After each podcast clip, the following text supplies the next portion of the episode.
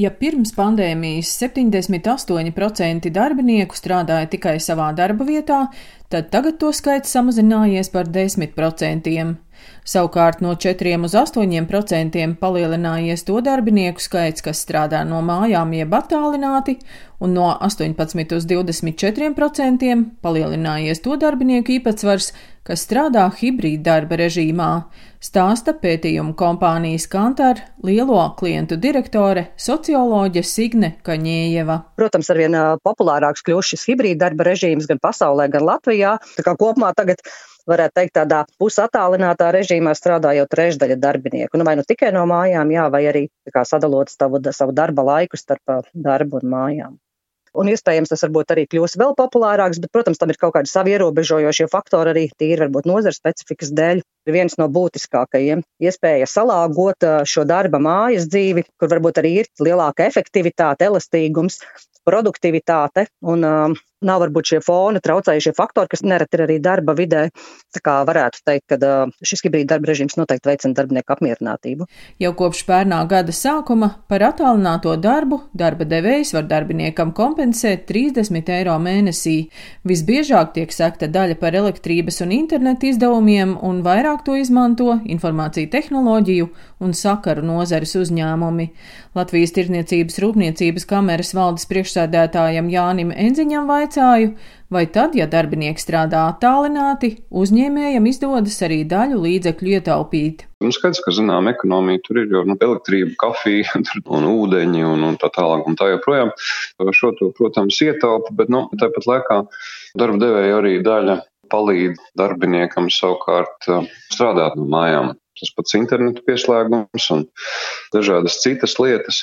Šeit īstenībā ir, ir viens moments, kur prasās vēl zināms normatīvu aktu pilnveidojums, proti, lai darba devējs varētu lielāku summu finansēt, ja darbinieks strādā attālināti.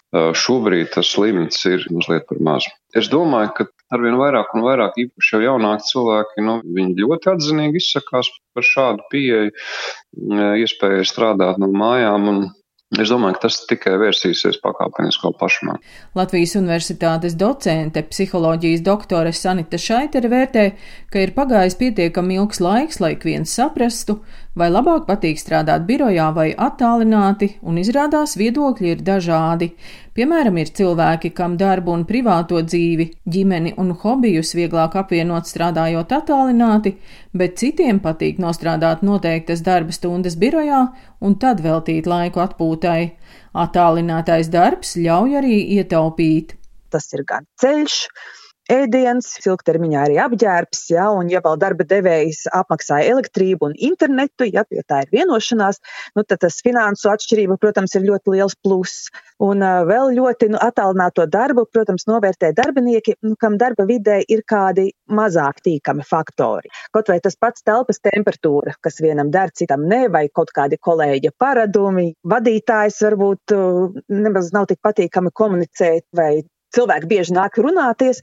Tas, ka tu vari strādāt attālināti, tas sniedz cilvēkam tādu kontrolas sajūtu, ir tāda brīvība. Pēc pandēmijas arī daudzi darba devēji ir uzlabojuši darba vidi, lai birojā strādāt būtu ērtāk un patīkamāk. Savukārt mājās darba tehniskā puse var nebūt ideāla. Dažreiz tomēr ir cilvēki, kas saprot, tas internets neiet un kaut kas tur ar tām sistēmām nav ērti. Un, ja es daudz ātrāk to varu izdarīt klātienē, aizēju pie kolēģi, tur visu sarunājam, visu parakstam, visu izrunājam, izdiskutējam.